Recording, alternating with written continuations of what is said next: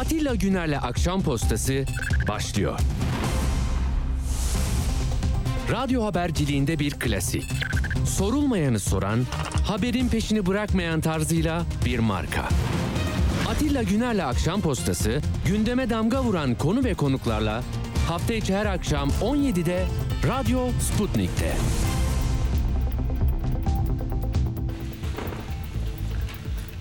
Akşam postasından hepinize iyi akşamlar efendim. Hoş geldiniz. 20 Temmuz'dayız ve yine Türkiye'ye, dünyaya bakıyoruz. Ne var, ne yok diye size de özetleyeceğiz.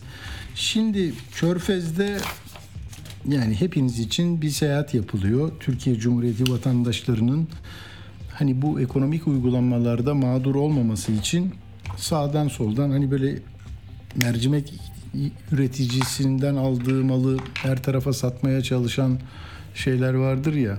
Gel bende bu var, şunu alalım, bunu yapalım. İşte organize sanayi bölgesinde şöyle yapıyorum, kapı kolu üretiyorum, sana da vereyim vesaire. Öyle bir çaba içinde, koşturmaca içinde yüzlerce iş adamı var. Türkiye'nin bakanları var ve Cumhurbaşkanı var. Ee, tabii size faydalı olacağını düşündükleri anlaşmalara imza koyuyorlar. Ee, otomobil hediye diyorlar. Yani ne derler kaz gelecek yerden tavuk esirgenmez gibi bir şeyler oluyor. Hani devletler arasında bu işler olur zaten de.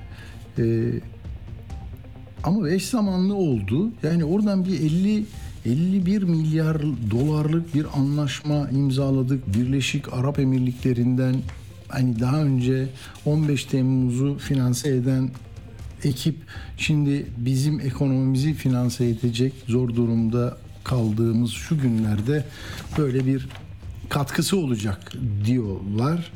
Ee, nasıl olacak? Bunu ekonomik e, perspektifle değerlendirecek olanlar var. Ben konuşacağım. Kerim Rota e, bir 5-10 dakika içinde bizimle olacak. Gelecek Partisi'nin ekonomi politikaları başkanı kendi zaten özel sektörde de bu, bu konulara çok hakim bir isim.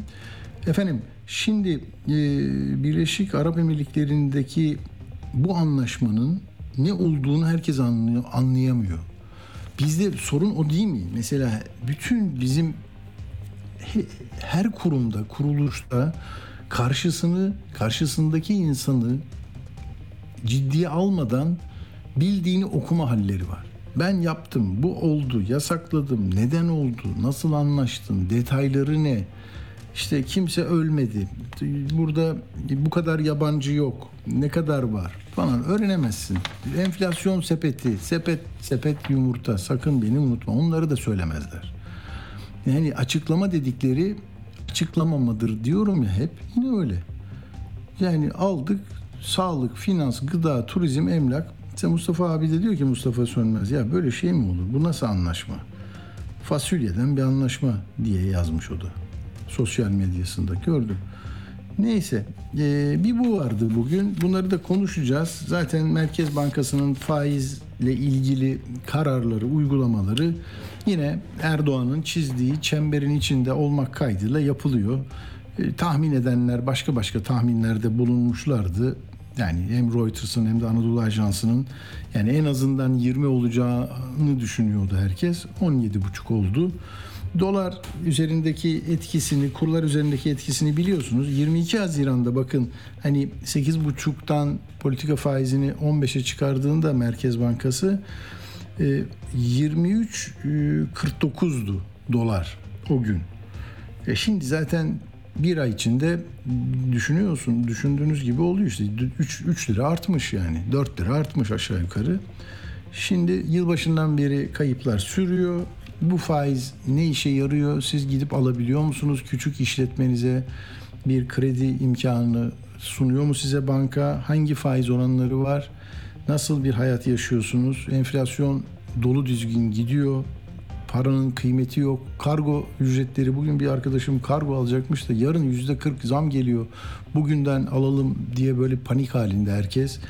Yani bu e, TL'nin uçurumdan aşağı giderken e, herkes daha aşağıda daha kötü olacak bu işler. Şimdi alayım. Bir kargo ihtiyacı yoksa bile bir malı alayım. Onu da kargoya vereyim. Buradan daha rahat e, bir fiyatlanma yaparım derdinde.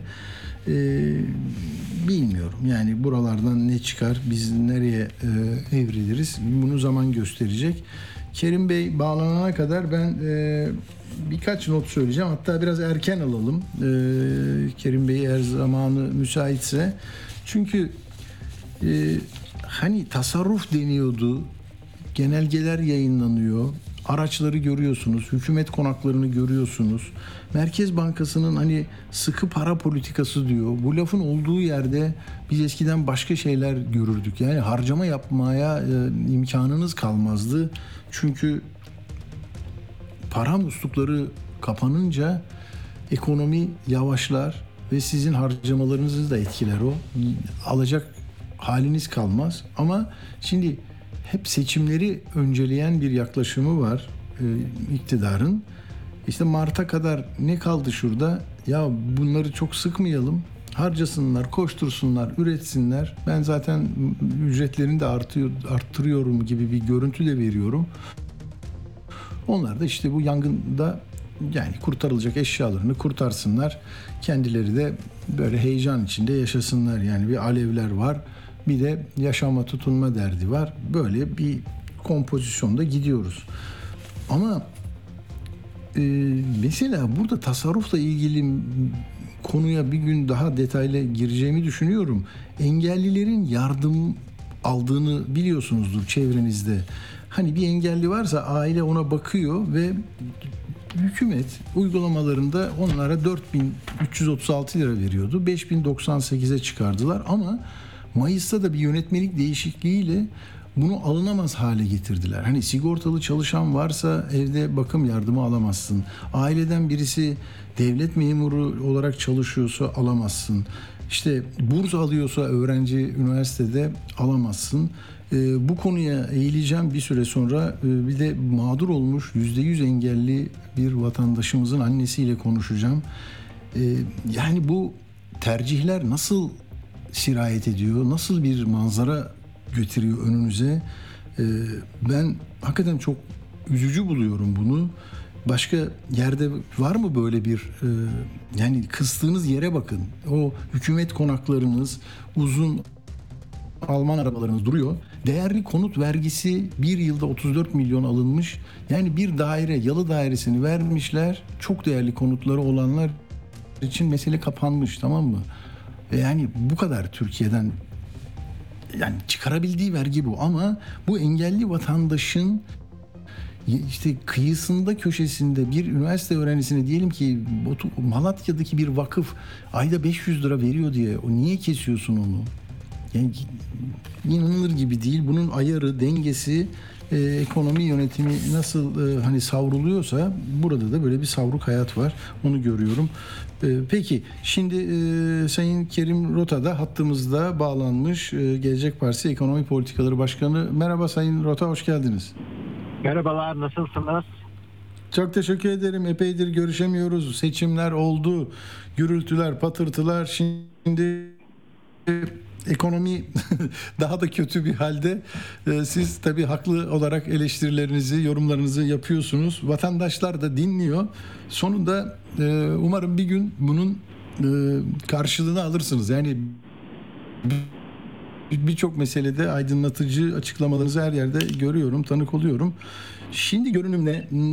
Ne oldu? Mesela ben iki şeyi belki dinleyenlerin bu yoğunlukta kaçırma ihtimali var diye düşünüyorum. Bir, bu körfez ülkelerine yönelik e, Türkiye'nin yönetimin e, seyahati bir yani bir çıkış arayan bir e, ne derler basiretli iş adamı da böyle şeyler yapar. Hani sıkışıklığı aşma derdinde olur da sonunda aşabilir mi? Koskoca bir ülke ve e, yoksullaşan, e, sıkıntılı günler yaşayan bir ülke. Nasıl anlıyorsunuz bu bağıtlanan anlaşmalarda bir sizin görebildiğiniz olumlu bir şey var mı? E, maalesef öncelikle şunu söylemek istiyorum e, Atilla Bey. Yani hı hı. 900 milyar dolarlık e, G1 G20 ülkesi e, toplam e, ithalat ihracat ticaret hacmi neredeyse 500 milyar dolara yaklaşmış e, bir e, G20 ülkesinin e, böyle 10-15 milyar dolar borç bulabilmek için e, Birleşik Arap Emirlikleri veya bir ülkeye gidip ondan sonra bu borç bulunduktan sonrasında da minnettarlığını e, ifade etmesi oraya giden bakanın e, bence e, gerçekten e, bizler açısından küçük düşürücü diye düşünüyorum. E, bunlara ihtiyaç yoktu. Yani şunu sormak isterim. E, eğer bizim Merkez Bankası rezervlerimiz e, şu anda olduğu gibi eksi 50 milyar dolar seviyesinde olmasaydı da bundan 6-7 sene öncesinde olduğu gibi artı 50 milyar dolar e, seviyesinde olsaydı e, aynı şekilde Tabii. biz gidip bu kapıda bu üst düzey bu kadar üst düzey e, bir şeyi e, ziyareti e, yapacak mıydık? E, bu be- benim için bir soru işareti. E, yani burada bağıtlanan... Peki ayrı, ayrıntılı açıklama da yok değil mi Kerim Bey? Yani şeyler böyle başlıklar var ama e-ticaret, finans, sağlık, gıda, turizm ama ne alıyoruz, ne veriyoruz? Aset diyordu Sayın Cumhurbaşkanı. Ne oldu yani? Değil mi? Burada bir şey yok, netlik yok. Yani bir kere şunu söylemek lazım. 50.7 milyar dolarlık bir toplam anlaşmadan e, bahsediliyor. E, bu tabii bir işbirliği anlaşması. Evet. Toplam hacim bu. Ama e, yine mutabakat metninde olmayan ama daha sonra sızdırılan 8,5 milyar dolarlık bir deprem tahvili oluş, oluş- olacağı, e, 3 milyar dolarlık da bir Exim Bank kredisi Hmm. olacağı. Yani e, bizim sıcak para diye adlandırdığımız kısmı 11,5 milyar dolar olacak. Bunun da e, faizi bu 8,5 milyar doların tahminim %7-8'den aşağıda olmayacaktır. Yani kimse kimseye bedava para vermiyor.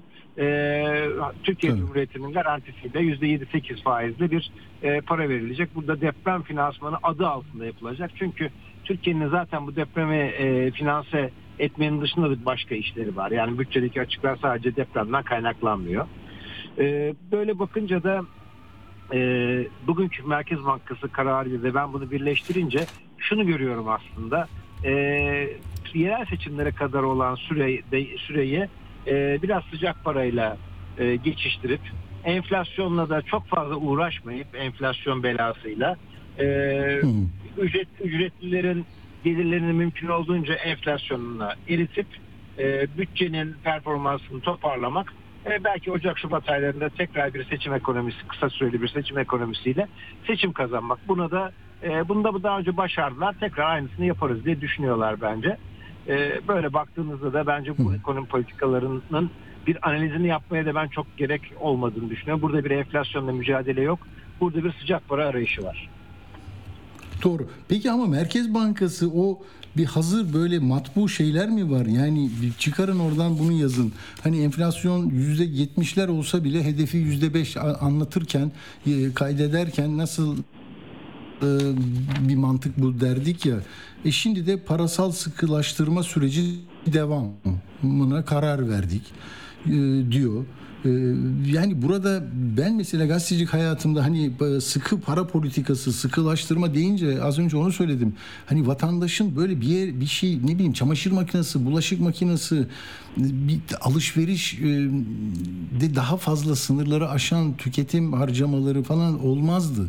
E şimdi herkes şunu düşünüyor. Daha çok artacak. Aman alayım.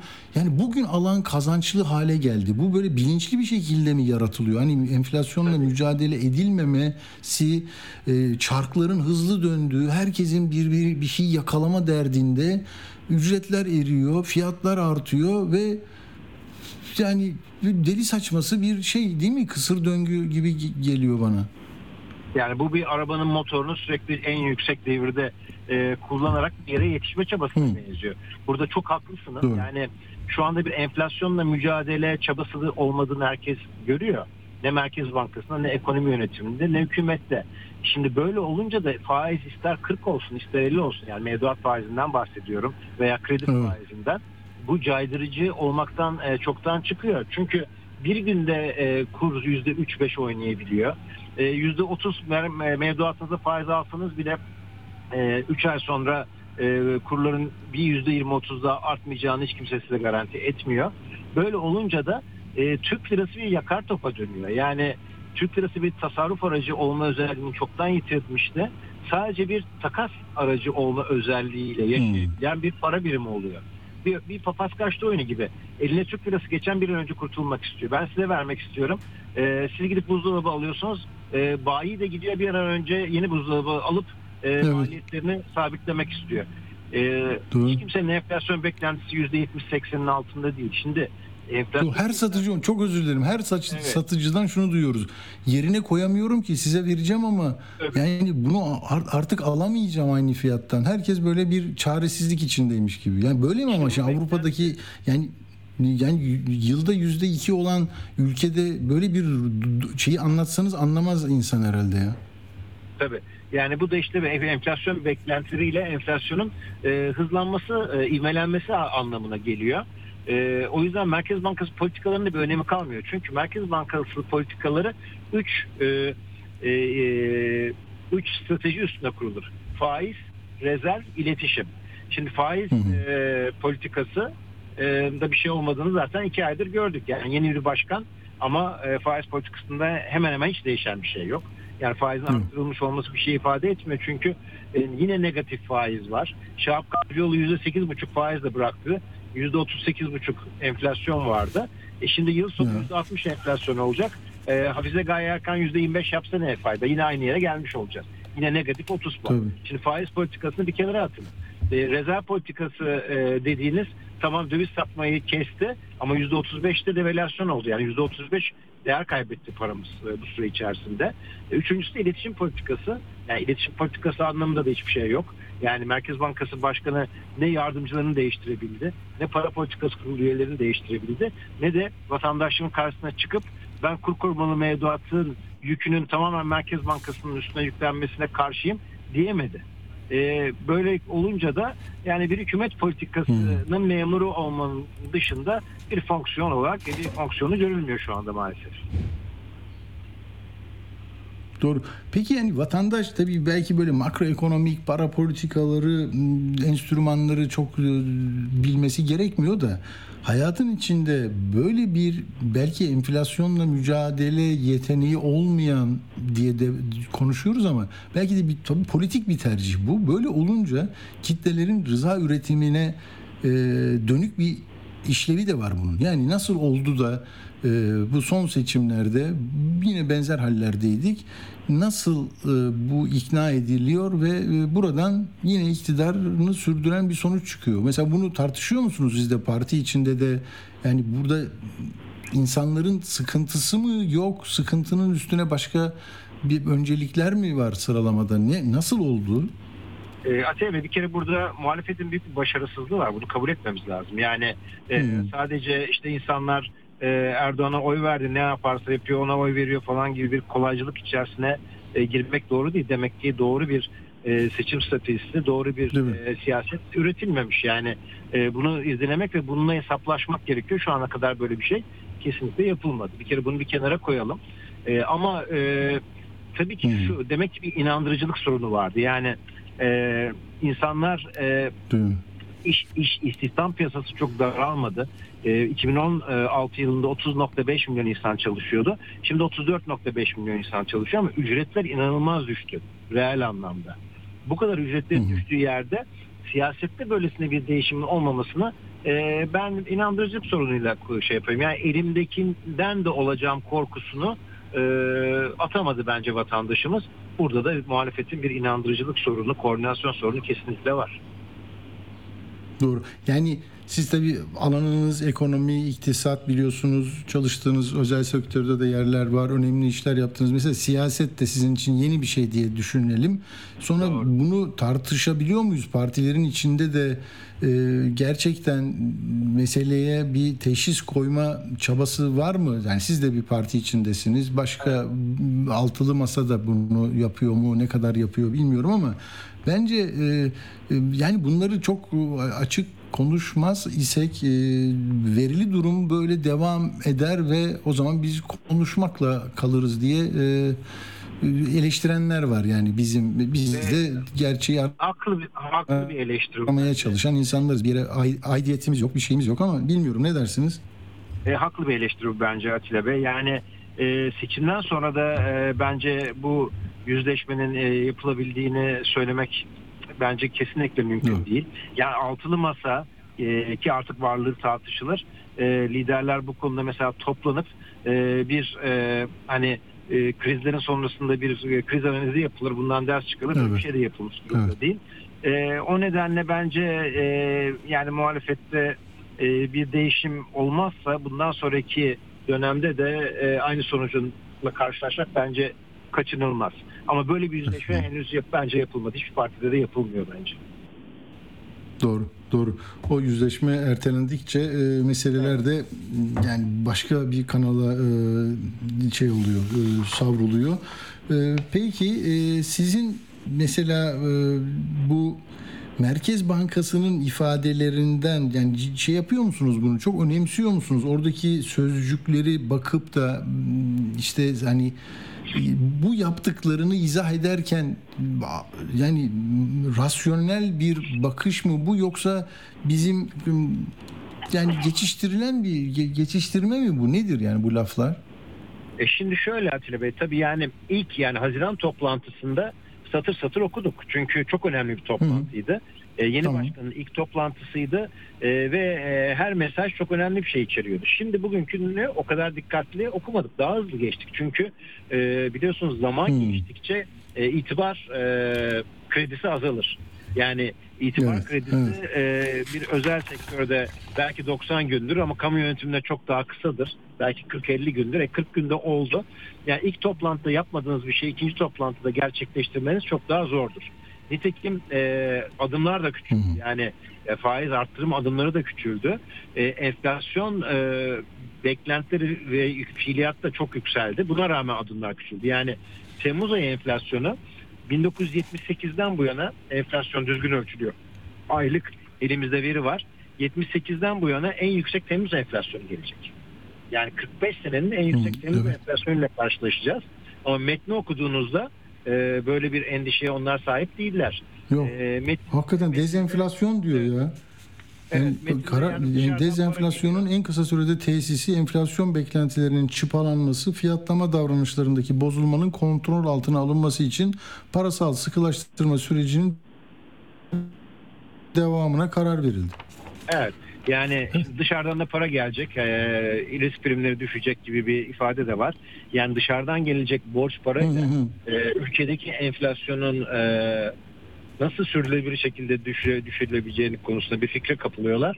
E, gerçekten anlamak mümkün değil. Ama tabii bunu söylediklerim sadece Sayın e, Merkez Bankası Başkanı için söylüyorum. Diğer üyeler için söyleyecek bir şey yok. Zaten onlar kendilerini çoktan ispatladılar. Yani her yönetimde e, her kararın altına imza atarak zaten onların sicili bozuk. Ama yeni başkan açısından da bence bu ekiple beraber ikinci toplantıya girmek e, onun itibarında çok sarsan bir e, durum oluşturuyor. O yüzden umarım iki aşama var önümüzde. Bir 27'sindeki e, enflasyon raporu. Orada başkan muhtemelen tek başına soruları cevaplayacak. E, ve ondan sonrasındaki e, hı. gelecek ayki PPK. O zamana kadar umarım bazı değişiklikler yapmayı başarır e, kadrolarında. Hı hı.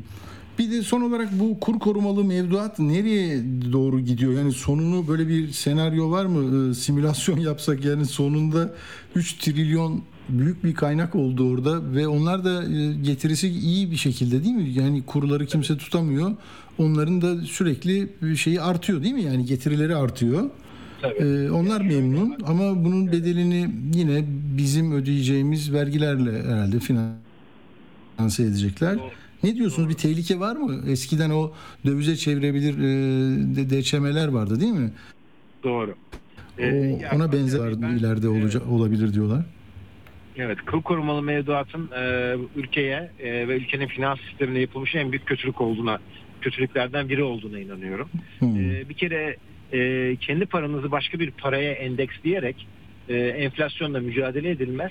Kendi paranızı başka bir e, paraya e, endeksleyerek e, liralaşamazsınız veya e, paranıza değer e, katamazsınız. Şimdi yapılan bu oldu ve o kadar hızlı büyümesine de izin verildi ki yani e, benzetmek gibi olmasın bir kanser hücresi gibi büyüdü. Çünkü şöyle yani bundan 3 hafta önce bir bankanın kapısına girdiğinizde Türk lirası mevduata %35 veriyor. Kur korumalı mevduata da %35 veriyor. E, insanlar da doğal Hı. olarak bunu tercih ediyor. Bir yönlendirme yok, bir seçenek e, yok. Yani Türk lirası mevduat 40 olur, kur korumalı 15 olur. O zaman e, Tabii. Türk lirası mevduatın bir avantajı olur. O da ortada.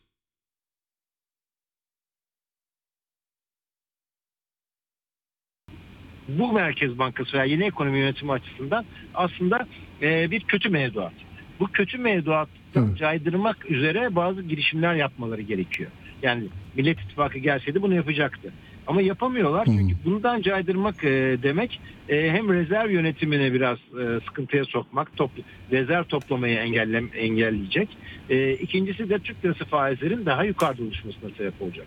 Yani bu bir, bir anlamda e, bağımlılık yapan bir madde gibi.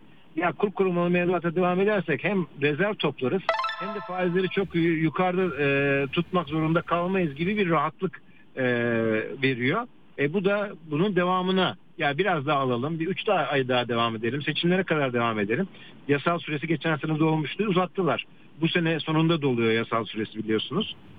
Bu kanunla getirilmişti. Onu da uzatacaklar. Yani bundan hangi e, bakan e, şeyinde döneminde kurtulabilecekler merak ediyorum. Evet. Bu yeniden bu zorunlu karşılık getirilmesi mesela konuşuluyor. Onun e, pratik etkisi ne oluyor? Çoktan yapılması gerekiyordu. Yani e, Mehmet Şimşek'in ilk göreve Hmm. geldiği gün yapması gereken buydu ama yapamadılar. Şimdi bu zorunluluk karşılığında böyle e, 7-8 puan yani %8 gibi diğer Türk lirası mevduatlara getirilen zorunlu karşılık kadar getirilmesi durumunda sadece ikisini eşitlemiş olurlar. E, burada kur korumalı mevduatın dezavantaj Türk lirası mevduatın avantaj yaratması lazım. Dolayısıyla getirilmesi gereken e, zorunlu karşılığı böyle %25 falan olması lazım. Yapabilirler mi tahmin etmiyorum. Ha o zaman yani ne yapıyor? Bankalar e, bu bu mevduatla orantılı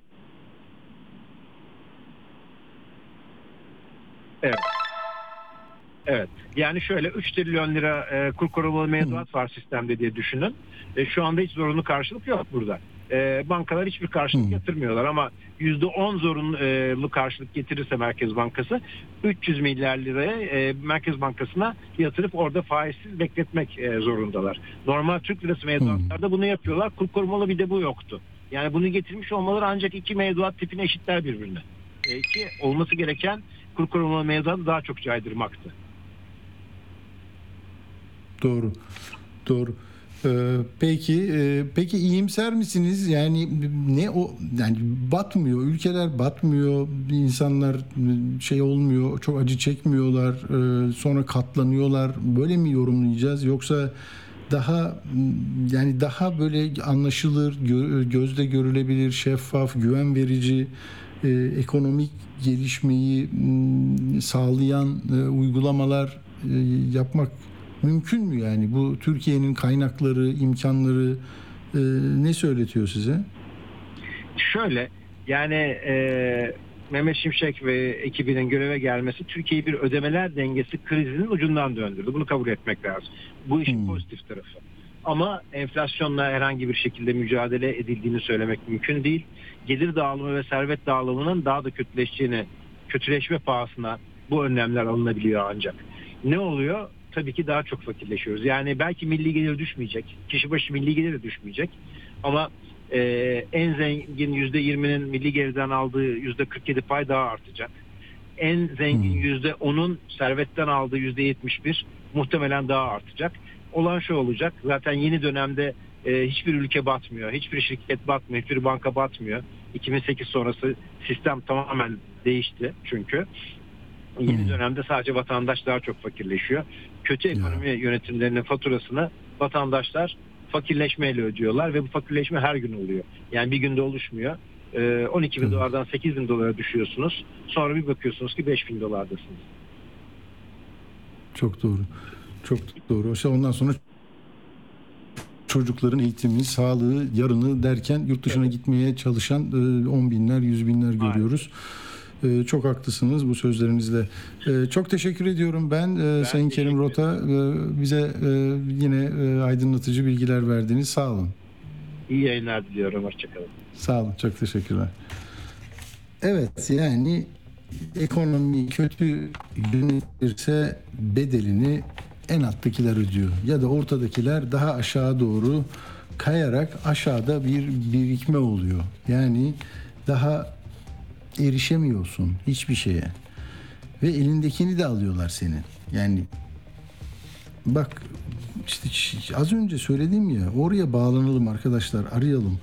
Ya engelli bir insanın e, evde bakılması halinde vatandaşa bir katkı olsun diye değil mi? Bir düzenleme yapılmış. Senin işte asgari ücretin üçte ikisinin altındaysa senin e, bu hane başına kişi başına düşen geliri bu hanede bir de engelli şu oranda engelli varsa sana evde bakım yardımı veriyorum. Yani Anadolu içinde fena değil. Şimdi moda oldu ya herkes hani İstanbul'da geçim zor o yüzden 5000 5000 do- bekliyorum. 5998 lira verilecek ama yönetmeliği bir değiştirmişler. Sigortalı çalışıyor bu hanede kesin bunun şeyini, yardımını. Kaç kişi biliyor musun bunlar? Bu insanlar. Yani desteğe ihtiyacı var, engelli. Ba- bakıma muhtaçlar. 5 bin, 5 milyon 500 bin 569 bin 569 bin ağır engelli birey evde bakılıyor. İşte bunlara da ne kadar kaynak ayırıyorsun ki? Durdun durdun ya buradan da bir şey kısalım be. Ama Mercedeslerden, konvoylardan, işte saraylardan, yeni yapılacak yerlerden değil. Tamam mı? Böyle. İşte sigortalı çalışan varsa kes.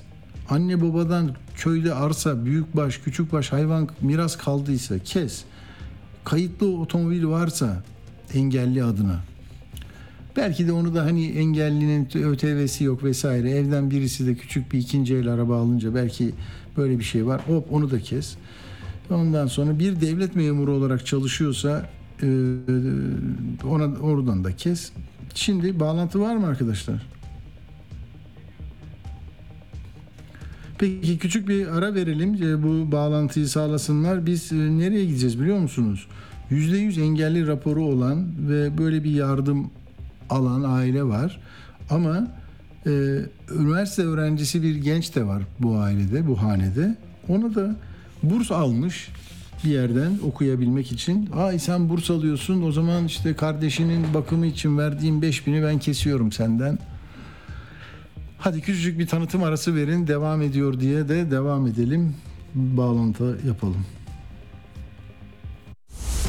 Tarım ve gıda krizi en önemli gündem maddemiz oldu.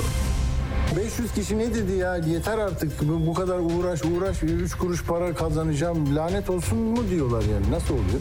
Aşağı beş yukarı o şekilde adamın sigortası yok. Bağkurunu ödeyemiyor. Ya para kazanamıyor. Şimdi üretim maliyetine sattığını düşünürsen e, banka borçları bir sürü şey yani öyle e, herkes diyor ki işte çiftçi çok kazanıyor. Hayır çiftçi kesinlikle çok kazanmıyor. Bu yıl benim bildiğim en aşağı 500'ün üzerinde çiftçilik yapmayan çiftçim var benim.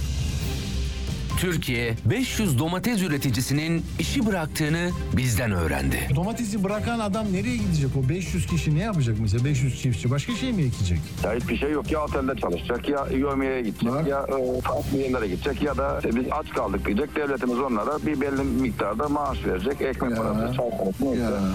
Haberi, hayatı ve hakikati paylaşıyoruz. Atilla Güner'le Akşam Postası hafta içi her gün saat 17'de Radyo Sputnik'te. Atilla Güner'le Akşam Postası devam ediyor.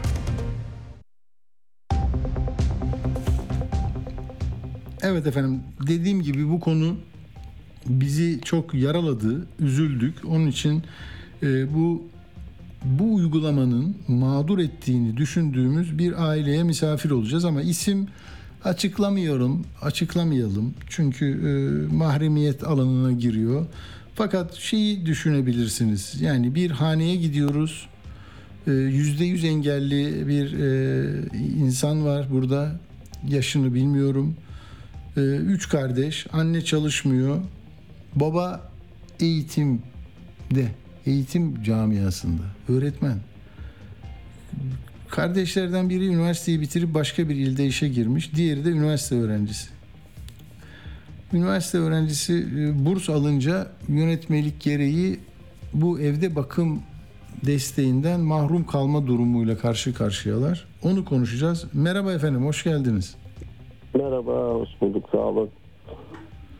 Ee, biz bunu anlayalım. Bizi radyolarında dinleyen e, çok sayıda insan da ne olduğunu anlasın. Ben bunu çünkü e, üzüldüm. Sabahleyin Bir Gün Gazetesi'nde gördüm bunu. E, size ulaştık. E, tabii Ergür Demir Hoca, Güray Kılıç Hoca'nın e, yazısından anladım ben bu meseleyi. Ne oldu bize anlatır mısınız? Valla bu Yani ne alıyordunuz, bayağı- kimin için alıyordunuz, e, sonra neden alamaz duruma düştünüz? Şimdi bir, bir bakım parası veriyor devlet. Ee, yani engelliye e, aylık e, 4300 dolayında bir şey veriyordu bu aya kadar. Önümüzdeki ayda bu bakım parası işte şeye endeksli. Bu memur kat sayısına endeksli olduğu için Evet. 5098 lira olacak. Ancak bu bakım parasını almak da e, aileye gelen paranın e, miktarına bağlı olarak geliyor Hı hı. aileye e, kişi başına asgari ücretin e, üçte ikisinden fazla oldu mu bakım parası kesiliyor. Hı. Bu da yani bir diyelim kendimden örnek verirsem benim maaşım şu an işte verilen zamlarla birlikte 30 bin oldu ve bu 30 binde şu anda sınırdayız. Ama e, artı şimdi buna çocuğun işte burs alıyor devletten. Hı hı. İşte onu ekleyince artı en e, ilginç olanı da engellinin bir arabası var. Adına işte yurt dışından 20 sene önce getirdiğimiz bir araba. E, gündüksüz olarak şu anda o arabayı da devlette gelir getirici olarak kaydediyor. Yani bunu hangi Hmm. mantıkla kim akıl etmiş bilemiyorum. Yani bu mantığı e, Tabii. kullanan kişi bence yarın bir gün herhalde bu çocuğun tekerlekli sandalyesini de gelir getirici olarak kabul edip onu da gelire ekleyip ve hiç kimseye bir şey vermeyecek. Senin tekerlekli sandalyen var, senin herhalde gelire ihtiyacın yok diyecek. diye. Yani bu Tabii. artı bu ve birçok şey var yani böyle komik e, şeyler var.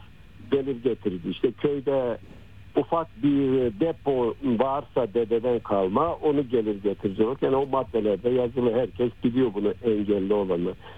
Şimdi bu gelir aslında yani en azından anne buna 7-24 sürekli bakıyor. Yani ağır engelli, Hmm. yatalak. Çocuk 33 yaşında benim dediğim yaşını bilmiyorum da 33 yaşında benim oğlum. 33 senedir anne sadece buna bakabiliyor. O verilen bu işte 5 bin lira da onun için ne derler hani teselli Tabii. en azından diye. Şimdi bunu da işte böyle kriterlerle daha önce birkaç kere verdiler. Biz kriteri aşınca kestiler. Şimdi işte 6-7 aydır alıyoruz. Şimdi yine işte tuhaf tuhaf kriterlerle bugün yarın bir gün yine kesilecek. Mesela yarın bir gün okullar açılınca bizim biraz ek ders ücretleri olacağı için yine kesilecek. Aştınız diyecekler siz şeyi. Belirlenen rakamı kesiyoruz diyecekler.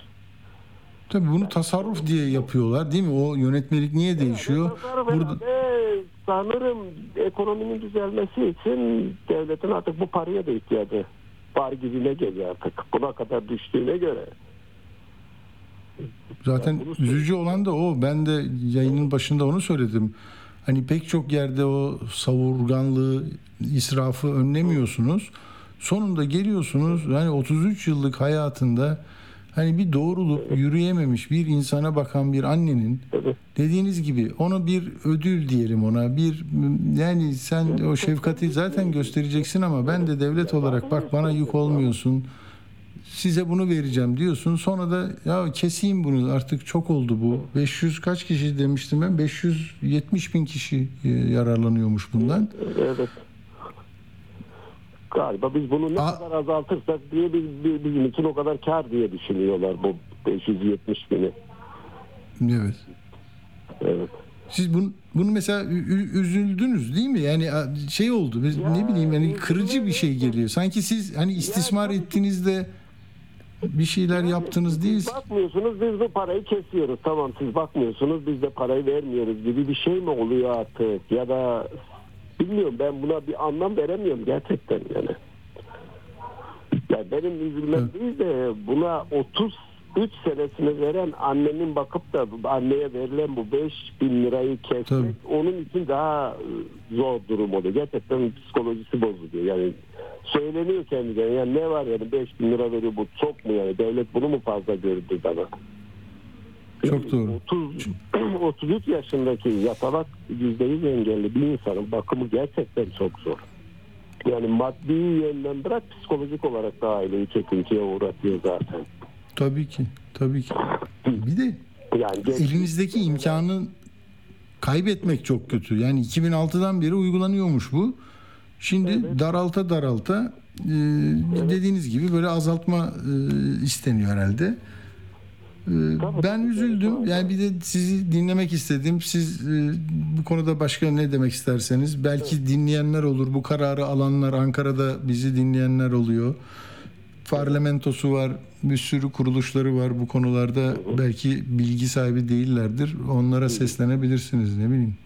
Yani bak ben en çok yani beni hayrete düşüren olay yani bu yeni yönetmeliği hazırlayan bu şeyden sonra seçimlerden sonra bu uygulandı. Bu engellinin gelir getirici hiçbir şekilde gelir getiriciliği bırak götürücü olan arabasının kullandığı arabanın neyinden gelir getirici olarak faydalanıyorlar anlamıyorum ben. Bunu yapan kişi nasıl bir mantığa sahip acaba? Ben bu sorunun cevabını bu çekmek isterim. Hmm, Dinlemek isterim o kişilerden. doğru. Şey gibi mi görüyor acaba lüks isterim. yani arabayla ne işin var senin zaten hani kullanamıyorsun o bir araba almışsın imkanlardan yararlanmışsın onun için Araba, bu şey değil. Mesela birkaç günde bir hastaneye götürüyorum, doktora götürüyorum, şuraya götürüyorum. Artı sonra özel söyleyeyim. Benim oğlumun mide rahatsızlığı var. İşte birkaç sefer mide e, şeyi de geçirdi, kanaması da geçirdi. Onun mesela e, aldığım ilaçlar, mide ilaçlarını bir rapor dahi alamıyorum. Ve tamamen bunları kendim ödüyorum yüzdelikli olarak işte normal şeyler. Yani hiçbir şeyini bir tek bez e, parası ödüyor devlet bana ayda o da 500 lira. Hmm. Ama benim beze ödediğim ayda 1500 lira. Yani her şey öyle. Bir tekerlekli sandalye almaya kalkıyorsun devlet sana veriyor onun onda birini. Gerisini git tamamla diyor. Yani engellilerimizin sorunlarını şimdi anlatmaya kalksak yani gerçekten zaman yetmez. Hmm, yetmez Bunu diyorsunuz. söyleyeyim arkadaşlar. Peki hocam e, ne diyeyim yani yanlıştan dönme imkanı ihtimali her zaman vardır. Bazı konularda böyle gazeteciler de meseleyi kamuoyunun önüne taşıdılar ve düzeltmesine katkıda bulundular. Umarım böyle bir faydamız dokunur E, ama İnşallah. e, size size ve evladınıza, e, eşinize e, selamlar e, iletiyoruz. E, Sabır diliyoruz. Umarım bunun da altından kalkacaktır Türkiye. Teşekkürler size de bu Sağ olun. konuyu gündeme getirdiğiniz için. Kolaylıklar diliyorum. Sağ olun, iyi akşamlar hocam. Sağ olun. İyi akşamlar, iyi günler. Evet, böyle. Yani konuk olduğunuzda insan konuştuğunda bir hanede neler var, neler yok e, anlıyorsunuz. Şimdi e, hemen e, Şaban Sevinç'le CHP'yi konuşacağız. Arkadaşlarım hemen arasınlar. E, Burada da hani ben çok uzun uzuya bu meseleye girmek istemiyorum. Özgür Özel'in tam metnini okudum. Orada e, önemli bulduğum birkaç not var. Diyor ki partimizin içinde bu kaseti yayınlayan ları kastediyor. Partimizin içinde ya da partimiz dışında kötücül bir aklın devrede olduğunu gösteriyor. Bize ihanet diyenler diyor. Ee, ve MYK toplantısında kendisinin istifaya çağrıldığı yolunda iddialar vardı. Böyle olmadı ama diyor bu göreve başka talipli varsa yarışa hazır olduğumu ilan etmiştim. Bugün yaşanan tartışmalar üzerine de görevimden istifa etmeyeceğim. Çünkü biliyor musunuz bu da özel bir şey. Ben bunu daha önce öğrenmiştim ama belki yayın sırasında söylemedim. Özgür Özel'e bu mesaj gitmiş bundan 10 gün 15 gün önce istifa etsin. Çünkü İmamoğlu'na çok yakın tutum takınıyor diye. O da demiş ki istifa edeceğim birisini mi atayacaksınız? Yine seçim var. Buyurun adayınızı getirin. Meclis grubunda konuşalım. e, Kapalı oturumda seçim yapalım. Onu genel merkez uygun görmemiş diye duymuştum. O da kendisi gruba güveniyor demek ki. Parti merkeziyle TBMM'deki parti grubu arasında böylece bir e, yine makas açılmış oldu. E, yani bilmiyorum ya biz işte doların bilmem 30 liraya doğru koştuğu memlekette işte para bulmak için Körfez'de yani araba hediye eden bir ekonomi yönetiminin olduğu bir memlekette CHP'nin kasetiydi. Grup başkan vekili gitsin mi kalsın mı değişim nasıl olsun hiç böyle dolu dolu laflar da yok. Ee, insanları kitleleri harekete geçirecek hani su işleyenin toprak kullananın falan ne bileyim ya böyle eski eski heyecan e, yaratan bir şey de yok çıkış da yok gördüğüm ama sığ bir tartışmanın etrafında dolanıyoruz. Bakalım bu nelere vesile olacak. E, o konularda e, çok şeydir, e, bi- bilgi sahibidir. E, derinlerden bilgi de alır. E, Şaban Sevinç arkadaşımız, gazeteci. E, bir konuşalım istedim. E, merhaba Şaban Sevinç, hoş geldiniz. Merhaba Atilla Bey teşekkür ederim. İyi yayınlar diliyorum. Sağ olun. Ne görüyorsunuz hakikaten böyle bir bakınca CHP'yi bu kadar içinden izleyen, bilen, gazetecilik faaliyetlerinde bir küçük parçaları birleştiren bir meslektaş olarak bugünkü durumu ne anlatıyor bize? Ya, bugünkü durum aslında genel merkezin yani Sayın Kılıçdaroğlu'nun e, seçim sonuçlarının gereğini yapmaması. Yani şöyle yapmaması der bir şey yap, e, gereğini yapsın anlamında demiyorum.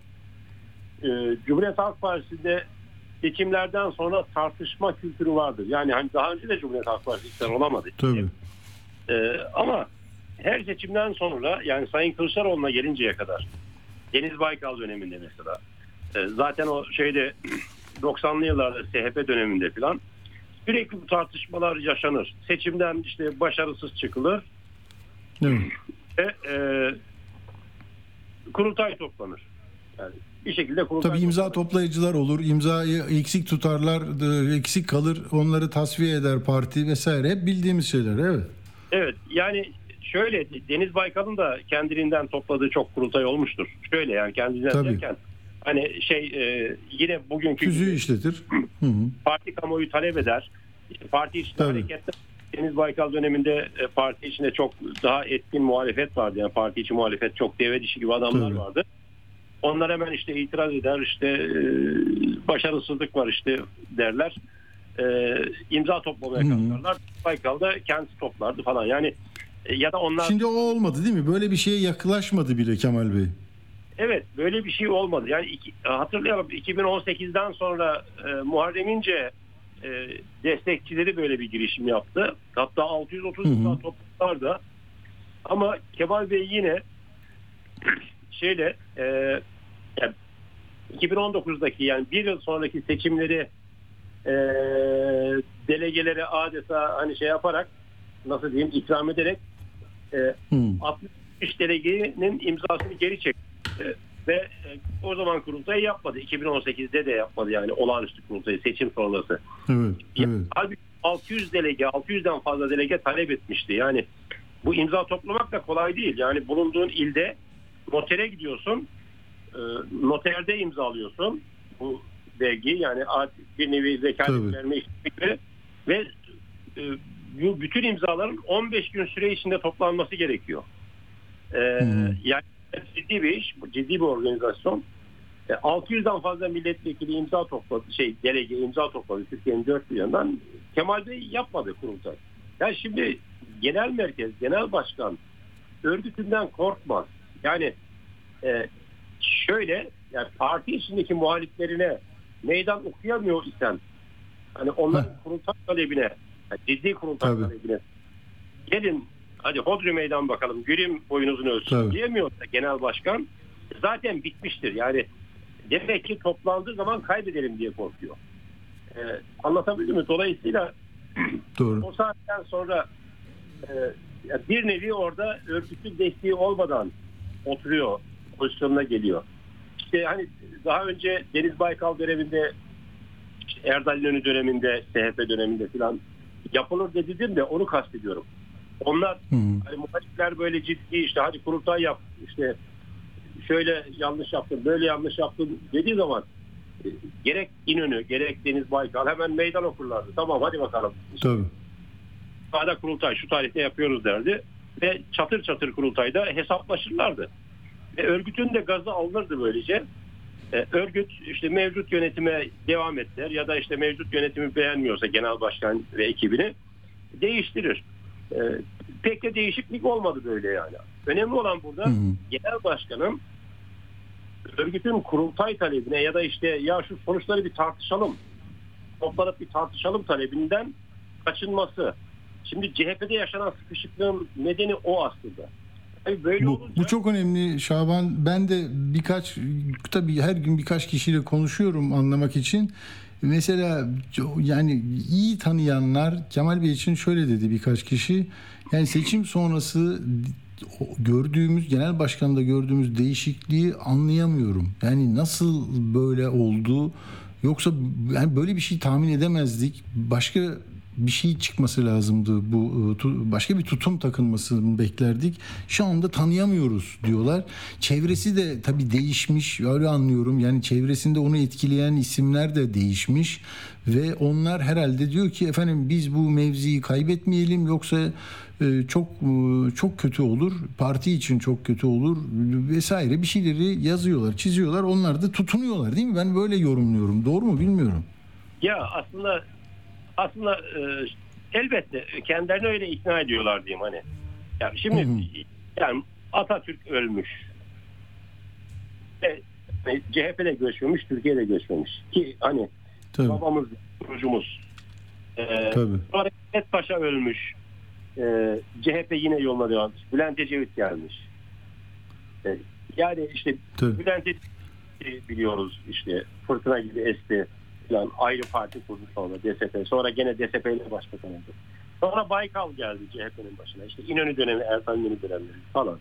Sonra Baykal geldi. İşte Baykal da işte yaptığı dönem iyi kötü. Ki çok daha özgür ağırlığı vardı partinin onu da belirteyim. Evet. Ee, Şimdi 13 yıldır da Kemal Bey. Kemal Bey şöyle diyor. Ya zaman zaman hani televizyon programlarında söyledi bunu. İşte Hı. hani sıradan insanlar CHP'de genel başkan olamaz. Bir. İkincisi ya işte ben gidersem sıkıntı doğar. E, Ya şimdi Allah aşkına yani ya bu deve dişi gibi isimler gitmiş bir şey olmamış. Yani Cumhuriyet Tabii. Halk Partisi 100 yıllık bir parti. Cumhuriyetle yaşıt bir parti. Ya- Yani kendisini bu kadar kutsamamalı bir insan. Yani e, kaldı ki Kemal Bey hani koltuk hırsım yok. İşte ben demokratım. işte demokrat dede gençlerin işte evet. bilmem nasıl filan. E, ya birden gerçekten ya birden değil tabii bu. 2000 e, 2010 2017 2018'den beri Kemal Bey böyle otoriterleşti. E, Hmm. Şimdi hani ben gidersem parti dağılır falan havasında. Ya Allah aşkına parti niye dağılsın? Yani o zaman Tayyip Erdoğan'ın da ben gidersem Türkiye dağılır demek demeye hakkı var yani. Hani Kemal Bey ben Tabii. gidersem dağılır diyorsa Tayyip Erdoğan'ın da ya ben gidersem iktidardan düşersem Türkiye dağılır. İşte kurta kuşa Du- deme derler. Ben Türkiye Doğru. Efendim, E, e, şeyi at- çok özür dilerim. Şaban Sevinç şeyi hatırlıyorsun. Kızılay'ın başındaki isim isim unuttum da hani onu istifa istifa dediler. Çadır satıyorsun. Dedi Evet. ki ben istifa edersem kaotik bir ortam olur dedi. Ta Erdoğan söyleyene kadar. Yani o da öyle düşünüyordu. Ben gidersem Kızılay kaotik ortam. Herkesin hani bırakmama konusunda bu Türkiye'de çok yaygın ya. Ha gelenin kim olduğuna, ne ne vaat ettiğine, ne değişeceğine tabii ki bakmak lazım ama bir de Ya- e, bulunduğu yeri terk etmeme sevdası da acayip bir şey. Acıla Bey şimdi şöyle yani işte ben gidersem kim gelecek acaba? Hani acaba Ha. kötü bir biri gelir de partiye işte partiye zarar mı verir düşüncesini e, ya da önermesini yapma hakkına sahip değil hiçbir e, genel başkan Kemal Bey de değil. Yani partinin yani ben gidersem işte ne olur ya da ben gidersem şu gelsin işte falan. Ben gidersem mümkün olsa güvence halim. Ya senin öyle bir hakkın yok ki. Değişmesi gereken sensin. Değişmesi gereken kişi değişimi planlamaz, planlayamaz. Ee, bu Tabii. işin hani şeyine aykırıdır, ya doğasına aykırıdır. Ee, yani sen gidersin. Ee, Sonuçta bu koskocaman bir parti, yani dev bir parti. Her ne kadar iktidara gelemiyor olsa da Cumhuriyet Halk Partisi yani Türkiye'nin en önemli kurumlarından birisi. Ee, içinde işte binlerce siyasetçi var. Ee, ya birisi çıkar. Türkiye'nin dört bir yanından, Türkiye'nin 81 ilinden ve işte yüzlerce ilçesinden delegeler seçiliyor. Partinin yani neredeyse köylere kadar temsilcileri var, örgütleri var. Örümcek ağ gibi sarmış Türkiye'yi bir partiden söz ediyoruz. Tabii. Ya- Tabii. Ben gidersem bu parti sıkıntıya girer. Ne demek yani böyle bir şey olabilir mi Allah aşkına? Sen Peki son bu video biraz böyle hatları keskinleştiriyor mu? Onu merak ederim. İki, ben bir şeyler duyuyorum. Tabii İstanbul'dan o havayı e, koklamak çok kolay olmayabilir ama şey diyorlar mesela 70-80 e, vekil böyle bir imza konusunu tartışıyor. Ne zaman yapalım? Bunların 30-35'inin İmamoğlu'na doğrudan destek deklarasyonu yapabileceği söyleniyor vesaire. Ee, yani ya, yarından itibaren olacak olumlu olumsuz gelişmeleri nasıl e, tarif edebiliriz Şaban Sevinç? Şimdi ya şunu çok rahat söyleyebiliriz. Ee, bu değişim deyince e, akla gelen Ekrem İmamoğlu yani bu işin lokomotifi o görünüyor.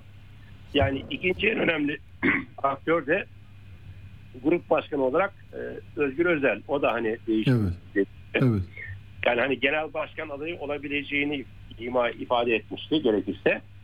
Evet. Ama mesela böyle bir baktığında kıyasladığında Ekrem İmamoğlu'nun e, şeyinin e, sinerjisinin önünde duracak bir kimse yok görünüyor yani. Hani benim kanaatim Hmm. o. Ben görüyorum. Gerek e, parti örgütlerinde gerekse kamuoyunda. E, Ekrem Bey'de de ama bir şey var. Bir onunla şöyle bir aşmazı var. Yani Tutukluk mu? Tutuk, tutuk değil mi? Tutuk davranıyor. evet yeterince cesur hareket edemiyor diyelim. Ve Hmm. Ve İstanbul Büyükşehir Belediyesi biraz elini kolunu bağlıyor. Ee, yani Evet. şundan korkuyor. Yani bir İstanbul Büyükşehir Belediyesi'nin o e, maddi manevi gücü, e, siyasi gücü, işte ekonomik gücü, e, işte istihdam gücü neyse yani o, o Tabii. güç. Bir onu e, bırakmak istemiyor AKP'ye. E, İkincisi hadi bıraktı yani o bırakmaya karar verdi bu sefer e, parti kamuoyundan çekiniyor ya işte elimizdeki İstanbul'da AK Parti'ye bıraktım derler diye. Şimdi Hmm. kararını vermesi gerekiyor Ekrem İmamoğlu. Şimdi son dönemde böyle bir şey geliştirdiler. Ekrem İmamoğlu e, genel başkan olmasın. Tamam peki. Mesela Öz, Özel'i desteklesin. Özgür Özel'i genel başkan yapsın. Özgür Özel de genel başkan olarak partinin hani bu idari mali işte örgütü yönetsin. Yani bir nevi Hı hı. genel sekreter gibi bir nevi yani genel başkan ama e, hani partinin rutin rutin siyasetini yapsın. Partiyi çekip çevirsin. E, ama işte lider olarak da efendim Ekrem İmamoğlu görünsün, özgür ağırlığı olsun. Sonra Cumhurbaşkanlığı seçimi geldiğinde de Ekrem İmamoğlu Cumhurbaşkanı adayı olsun partinin iyi bir lideri olarak. Hmm. Efendim şey e, Tayyip Erdoğan Abdullah Gül formülü 2002'deki. E, bu e, bayağı öne çıkmış görünüyor yani şeyde. Hmm, taraftar bulur mu bu Şaban Sevinç? Taraftar toplar mı yani bu bu ehveni şerdir böyle olabilir geçiş süreci falan diyenler artabilir mi? Ya artabilir. Tabii şimdi şu da var. Seçimlere seçimlere 5 yıl var. Hani e, olası Evet. Cumhurbaşkanlığı için artık hani iktidar olmak için seçim e, ona da 5 yıl var. Ha, önümüzde bir de yerel seçim var. Yerel seçimdeki hani yine en önemli şey tabii e, mekan İstanbullu kazanıp kazanmama konusu. Ya bu formülü uygulaya uygularsak diyorlar. Hani Özgür Özel Genel Başkan ama arkasındaki asıl güçlü Ekrem İmamoğlu bunu uygularsak Ekrem İmamoğlu önümüzdeki yerel seçimde tekrar İstanbul'a aday olur. İstanbul'u tekrar kazanır. Ee, o İstanbul gücünü her türlü o İstanbul Büyükşehir Belediyesi'nin her türlü gücü ve imkanıyla e, işte liderliğini yapar. Partiyi birlikte götürürler Özgür Özel'le. E, Cumhurbaşkanlığı Cumhurbaşkanlığına sıçrar değil mi oradan da yani seçimlerde? Cumhurbaşkanlığına girer, aday olur ve Cumhurbaşkanlığı da seçilir. Böyle bir senaryo ciddi bir şekilde e, konuşuluyor. Zaten Hmm. hani basına da şey kamuoyuna da sızan o e, Zoom toplantısında e, şey Özgür Özel de vardı biliyorsun. Tabii. E, dolayısıyla hani bu bu model biraz içselleştirilmiş gibi. Ama hani Tabii. ne bileyim örgüt, delegasyon olmaz kardeşim öyle bir şey. Yani diye bir eğilim çıkar da Ekrem İmamoğlu'na yani ya İstanbul ya genel başkanlık diye bir tercih e, yapma e, durumuyla karşı karşıya kalırsa e, o zaman e, herhalde İstanbul'u bırakıp genel başkanlığa e, aday olması gerekebilir. E, Hmm. yani benim kanaatim bana sorarsan doğrusu Hı. e, yani bir elde İstanbul bir elde genel genel başkanlık tutulamaz. Ee, bence Ekrem Bey'in hani İstanbul'u bırakıp e, partinin lideri olmak istiyorsa eğer partinin lideri olması yani genel başkanlık neyse işte genel başkan olmalı yani. Hı hı. Neyi kaybettiğini değil de neyi kazanacağını önüne koyması lazım değil mi? Yani İstanbul tamam istihdam şu imkanlar büyük şehir tamam da e, yani ama yani cesur bir şekilde yürürsen de başka bir yere varıyorsun. Herhalde böyle bir planlama yapacaktır. Zaten Cumhuriyet Halk Partisi'nin de hani imkanları tamam hani İstanbul kadar yani İstanbul Belediyesi kadar böyle ma- maddi imkanları yok ama sonuçta siyasette de hani çok da maddi imkan gerekmiyor yani CHP'de o anlamda çok da garip değil yani fakir değil. Sonuçta yine elinde yüzlerce belediye oluyor CHP'nin. Ee, Hı hı. yani sonuçta ana muhalefet partisi. Yani sen girerken bu konuya bir şey söyledim. Ee, hani toprak işleyenin su kullananın Hı hı hı. Bülent Ecevit efsanesi o Evet. 72 düşüşlerde. Yani hani sadece Kemal Bey gitsin Ekrem Bey gelsin değil. Yani Ekrem Bey'in Evet. eğer hani gelecekse CHP'de bir değişim olacaksa ciddi bir değişim. Yani Bülent Ecevit'in İsmet Paşa'yı değiştirirken yaptığı gibi yani işte toprak işleyenin su kullananın ne ezen ne ezilen insanca hakça bir düzen Değil mi? böyle. Ya da onun işte bugünkü Bozuk düzeni değiştireceğiz dedi ya adam. Evet yani böyle dağa taşa adını yazdırması gerekir. Ki bu potansiyel var. Bu potansiyeli var Ekrem İmamoğlu'nun. Ben onun e, hani Ecevit'le de biraz benzeştiriyorum yani si- siyaseten yani kişilik olarak değil de Hı hı. siyasi, siyasi albinisi olarak Ecevit'le de benzeşiyor. Yani işte köye gittiğinde, Anadolu'ya gittiğinde işte şey Ekrem İmamoğlu'nu görüyorsun ya, duyuyorsun yani vatandaşın ağzında Ekrem İmamoğlu Evet. var. Ee, Böyle bir Doğru. durum var. Doğru. Ee, bakalım ne olacak. Ne olacak? Peki e, ama Şaban Sevinç'ten şunu da duymak isterim. E, bu e, parti bütünlüğünü koruyacak mı? Bazıları diyor ki yani birden fazla parti olması da mümkün. Niye öyle, geçinemiyorlarsa öyle bir şey de olur. Çok kısa bu böyle bir ihtimal var mı yoksa yine kendi içlerinde biraz değişim içerideki kurmay değişikliğiyle parti yine bütünlüğünü koruyacak mı? Ya şimdi o onun temelinde Sayın Kılıçdaroğlu'nun e, şeyi hani mezhebi Alevi olması yatıyor. Yani Hı, hı, hı. bölünme e, endişesi. Öyle bir şey yaşamaz Cumhuriyet Halk Partisi.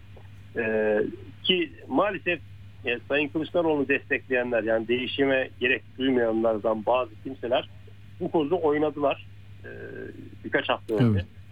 Mesela Ataşehir Belediye Başkanı Battalya gezdi çıktı Evet. açıklama yaptı. Dedi ki işte Kılıçdaroğlu gönderilirse partinin %50'si CHP'nin %50'si boşalır dedi. Hani Evet. Aleviler ayrılır partiden. Aleviler küser Doğru. demeye. Ee, bu çok ayıp bir şey. Yani, yani bu, bu Mustafa Kemal'e inanmamaktır. Mustafa Kemal'e ihanettir. Cumhuriyete ihanettir yani bu böyle düşünmek. Ee, yani Türkiye Irak değil ki. Yani ne demek Alevi Sünni? Yani Deniz Baykal gidince Sünniler ayrıldı mı partiden? Böyle bir şey olabilir mi yani? Evet. Kemal Bey kurultayda seçilmiş genel başkanımız. Hani CHP'nin genel başkanı Sünni midir, Alevi midir, Kürt müdür, Kürt müdür hani etnik kökeni onlar hiç önemli Tabii. değil ki. Onları onları bilmememiz de gerekiyor zaten.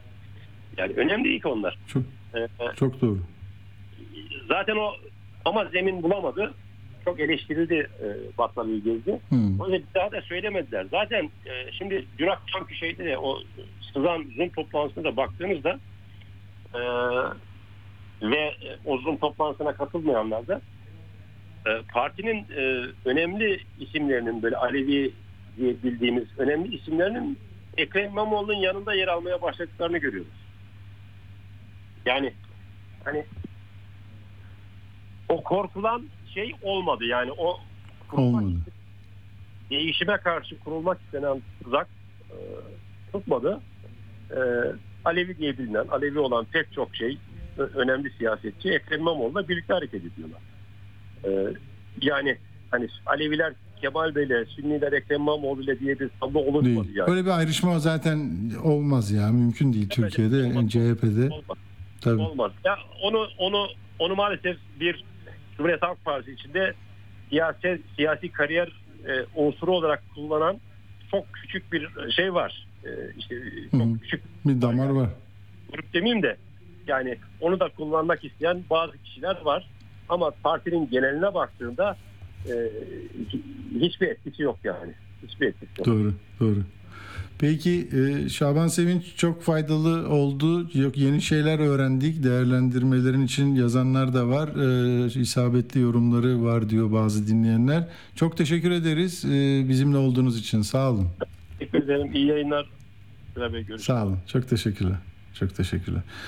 Evet şimdi e, nereye gidelim? Hızlıca bir Fesane'ye gideceğiz. Fesane'de İstanbul'da biliyorsunuz orada bir e, sergi vardı. Orada sergideki 2-3 sanat e, eserini ne akla hizmetse böyle dinle, e, imanla, e, cinsiyetle yorumlayıp bu bize zararlı diyen eski Engizisyon mahkemelerinin e, şeyleri çıktı. Kara cübbelileri. Orada bağırdılar, çağırdılar.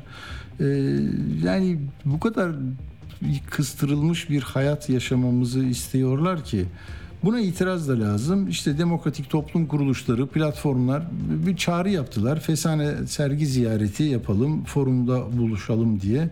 Sanat özgürdür, iktidar destekli gerici kuşatmaya izin vermeyelim. Davet böyleydi.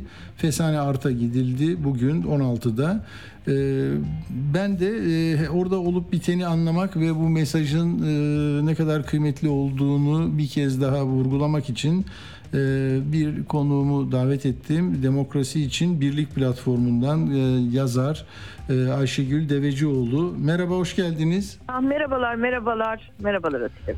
Efendim ne yaptınız? Yani buluştunuz, ee, ilgi var mı? Sözünüzü söylediniz. Size taciz var mı? Orada daha hayır. önce yapılan o kötü ee, propagandalar gibi. Yok. Hayır, hayır. Sizin mesajınızı Aslında, alalım. E, burada edindiğimiz bir bilgi onu da belki e, merak edenler e, olur. Hı hı. Şimdi bu sergi e, işte şeytan resmi var bilmem ne diye e, şey yapıldı ve sergiyle alakası olmayan bir takım resimler sosyal medyada e, evet. görüntüler yayınlandı. İşte bir tane boynuzlu şeytan şu bu. Şimdi çok sayıda insan bunları görmeye sergiye gelip e, yani bunun olmadığını öğrenince de hani sergiyi gezip böyle bir şeyin olmadığını görüp hani bir e, fikir de değiştiriyor diye buradaki arkadaşlar böyle bir bilgi verdiler. Onların da bu e, çok hoşuna gidiyor. Hmm. Yani hani e, gelip burada yani o sanat eseriyle yüz şey yüze geliyorlar evet. ve hiç bu söyledikleri şey yok bunda yok, diye bir sonuca hatta. varıyorlar değil mi? Ee, soruyorlarmış işte şeytan nerede filan böyle bir şey yok diyorlarmış. İşte nedir peki? İşte bu keçe heykelleri var diyorlarmış. Ya. Hani bu da aslında bir çeşit başka bir iletişime e, vesile oldu. E, şimdi biz e, çok sayıda toplum kuruluşu katıldı e, foruma.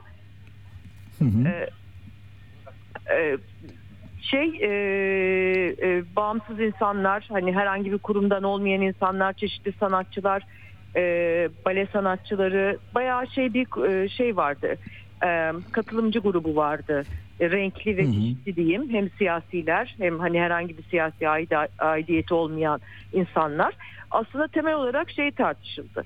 Hani şimdi e, e, nasıl bir iletişim dili kuralım Hani bir taraftan evet sanat eserlerini savunalım.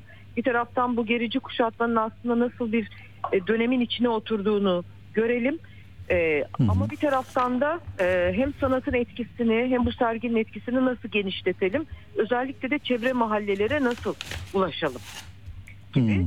E, çok verimli bir toplantı oldu. E, zaten mekan e, gördünüz mü bilmiyorum. Hani yurt dışında gördüğümüz ve e, çok böyle beğendiğimiz mekanlarda etkileyici değil mi? Yok. Çok güzel. Çok iyi bir e, şey. E, hem düzenlemesi çok güzel, sergi e, çok e, şey önemli sanatçıların da yer aldığı. Arkadaşlar söylediler hiçbir hiyerarşi gözetilmeden hani piyasanın da görmediği birçok sanatçının eseri de e, yer almıştır sunumda. Yani bir e, fesane e, yapılan saldırıyı aslında şöyle hı hı. bir musibetten bir şey çıkartmak. Çıkartmayı nasıl başarabilir? Yani buradan hani hem e, ifade özgürlükleri, sanat yaratım özgürlüklerine yapılan saldırıya genel bir tepki vermenin ötesinde e, sanatı nasıl e, halkla sanatın bağını kurmak, e, çevre mahallelere ulaşabilmek, e, sanatı daha tartışılır, daha günlük hayatın içine yerleştirmek gibi aslında e, çok çeşitli düzeylerde hani e, hem siyasi hem entelektüel bir tartışmaya sahne oldu Sesane. Gerçekten nitelikli Hı hı. konuşmalar yapıldı. E, böyle Faydalı bir, oldu e, diyorsunuz. Çok iyi. Efendim? Çok iyi. Çok faydalı oldu Herkese tabii de bu. iyi geldi. E, Çünkü Hı. hani herkes biz özellikle siyasi şeyler hani son olarak bunu söyleyeyim hani onu da ifade ettiler çok sıkışmış hissediyoruz ama burada hani aslında bambaşka bir e, alanı konuştuk ve hepimize iyi geldi e, diye. Dolayısıyla e, böyle şey e, güzel bir e, hem toplantı oldu hem güzel bir e, sergi gezmiş olduk. E, size de çok teşekkür ediyoruz. Rica ederim. Ee, biz de ilk o olaylar olduğunda, taşkınlık yapanlar olduğunda e, bunun yani Türkiye Türkiye'nin lehine olmayan e, bir kötücül bir şey olduğunu söylemiştik. E, tabii farklı farklı açılardan itiraz edenler var ama e, sokağa sokağa sahip çıkmak, sanata sahip çıkmak, o bu üretilen e, de- değerli ürünlere, eserlere sahip çıkmak için oraya gitmek bu sıcakta bence çok isabetli de olmuş. E, O yüzden bunu kıymetli buluyoruz. Çok teşekkür ediyoruz. Biz de E, Sizin gibi teşekkür oraya e, katılım gösteren herkese Ayşegül Devecioğlu e, yazar, edebiyatçı e, dinledik sizi. Çok sağ olun katıldığınız için. Teşekkürler. Ben de teşekkür ediyorum. İyi günler. Sağ ol. Evet böyle küçük bir ara verelim. Yolcunun tanıtımı varsa tanıtımıyla gidelim kapağıyla. Yolcuyla bitirelim son 15 dakikamızı. Yolcudan siyasi analiz. Tamam dinleyelim. Atilla Güner'le Akşam Postası devam ediyor.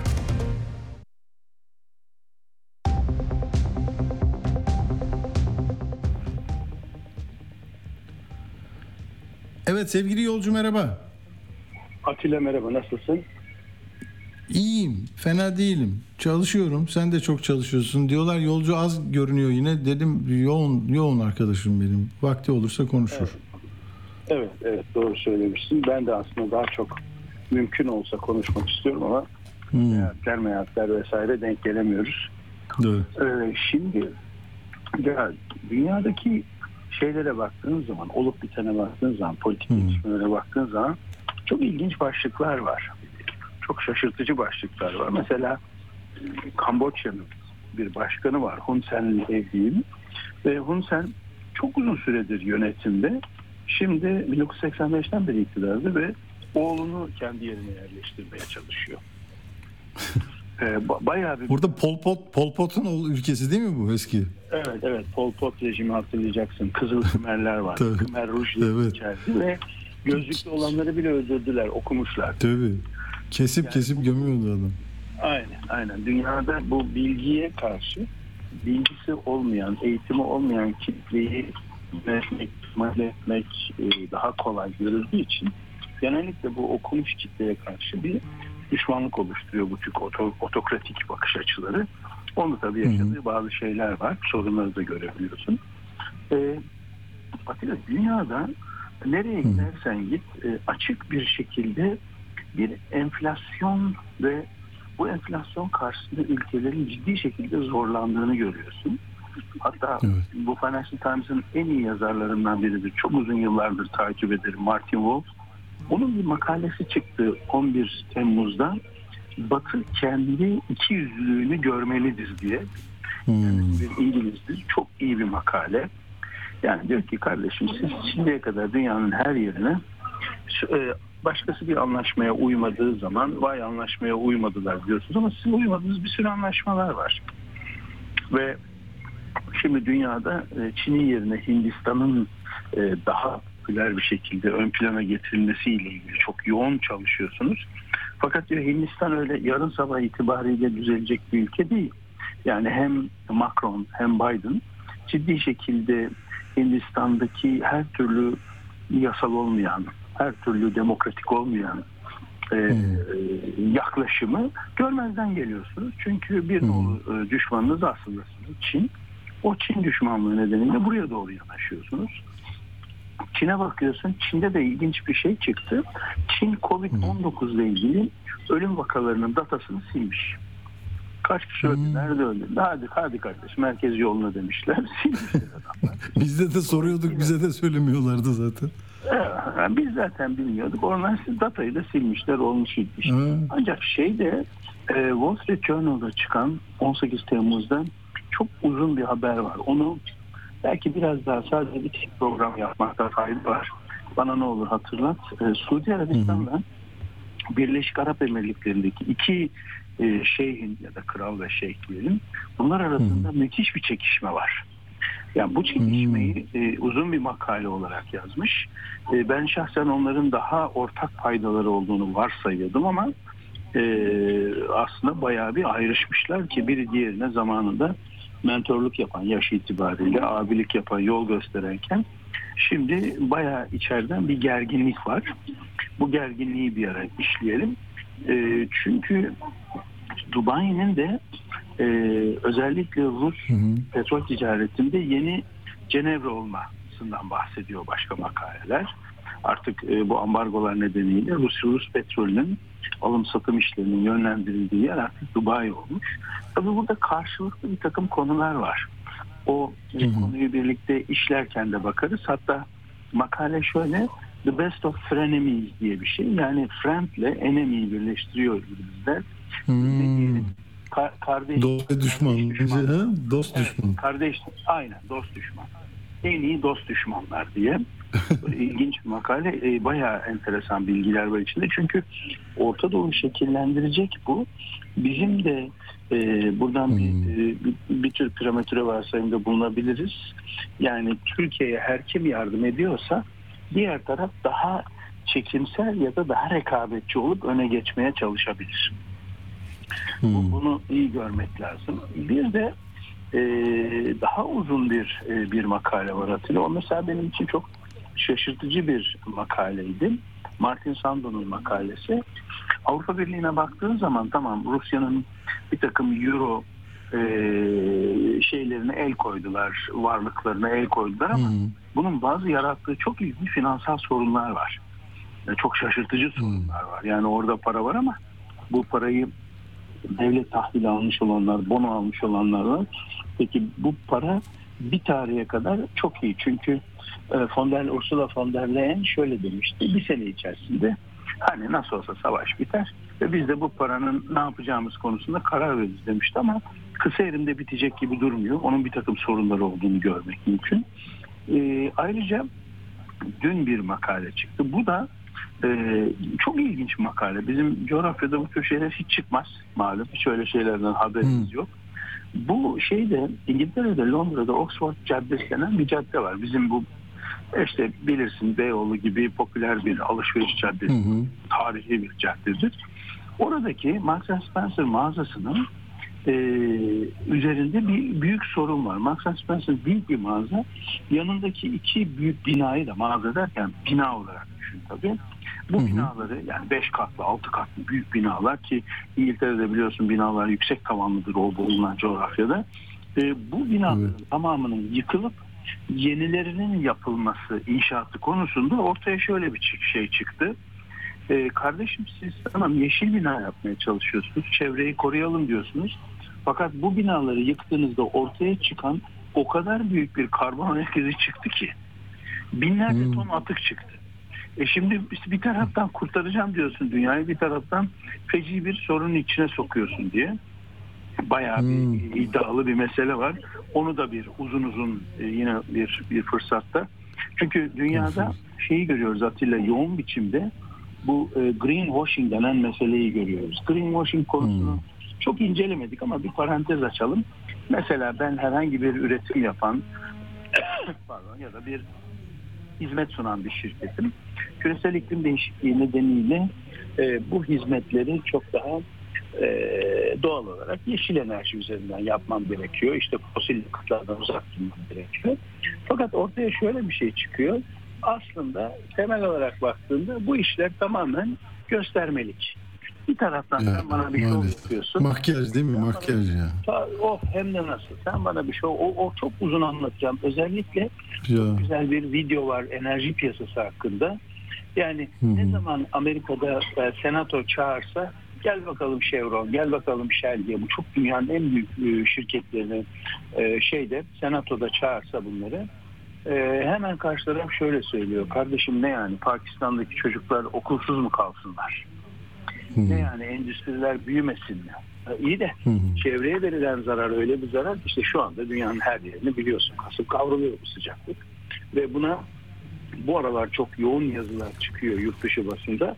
Antroposen çağ deniyor. Yani Ya. insan eli Ben bir ara ona çok takmıştım ya. Onu biraz onu etraflıca senden de dinlememiz lazım. Evet. İnsan eliyle nasıl bitirdik dünyayı? aynen dünyaya verdiğimiz zararları çok böyle dehşet şekilde anlatmış. Çok da iyi bir şey görüyoruz. Bu arada e, fakir ve zenginler arasındaki makasın hani hep konuşuyoruz ya orta sınıfın erimesi diye. Fakir ve zenginler arasındaki makasın nasıl açıldığını anlatıyor. Alin Beatty diye yine çok iyi bir yazar Duran. Onun makalelerine baktığın zaman bunu görüyorsun ve de e, jeopolitik bu gerilim dünyadaki özellikle Amerika, Çin, Rusya, Amerika, Avrupa Birliği, Rusya gibi bu jeopolitik gerilimler enflasyonu nasıl tetikliyor? Yani oraya ne tür bir etki yapıyor onu görme imkanı var. Gerçekten Hı hı, çok çok enteresan makaleler ve oturup bir yerde böyle bunları hani bir önümüzdeki günlerde e, uygun bir zamanlar dizisi yapalım.